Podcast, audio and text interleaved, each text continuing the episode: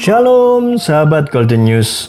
Renungan harian pada hari ini akan kita ambil dari kitab Efesus pasal 5 ayat 11. Janganlah turut mengambil bagian dalam perbuatan-perbuatan kegelapan yang tidak berbuahkan apa-apa. Tetapi sebaliknya, telanjangilah perbuatan-perbuatan itu.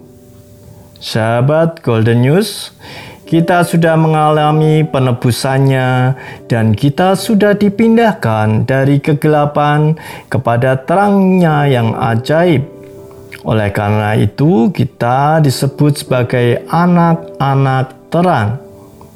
Hidup sebagai anak terang berarti kita tidak lagi turut mengambil bagian dalam perbuatan-perbuatan kegelapan yang tidak berbuahkan apa-apa tetapi sebaliknya, telanjangilah perbuatan-perbuatan itu.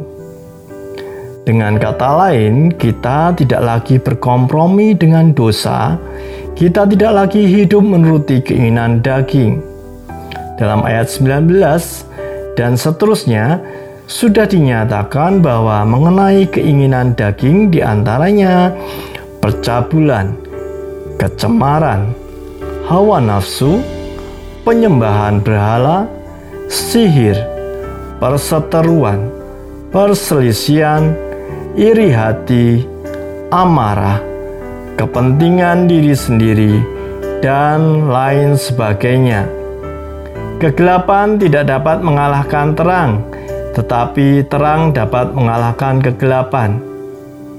Kita dipanggil menyatakan terang dalam keluarga, serta bisnis atau pekerjaan yang kita lakukan.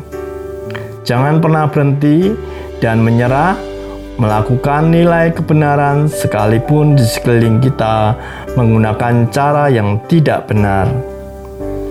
Tampillah sebagai anak terang.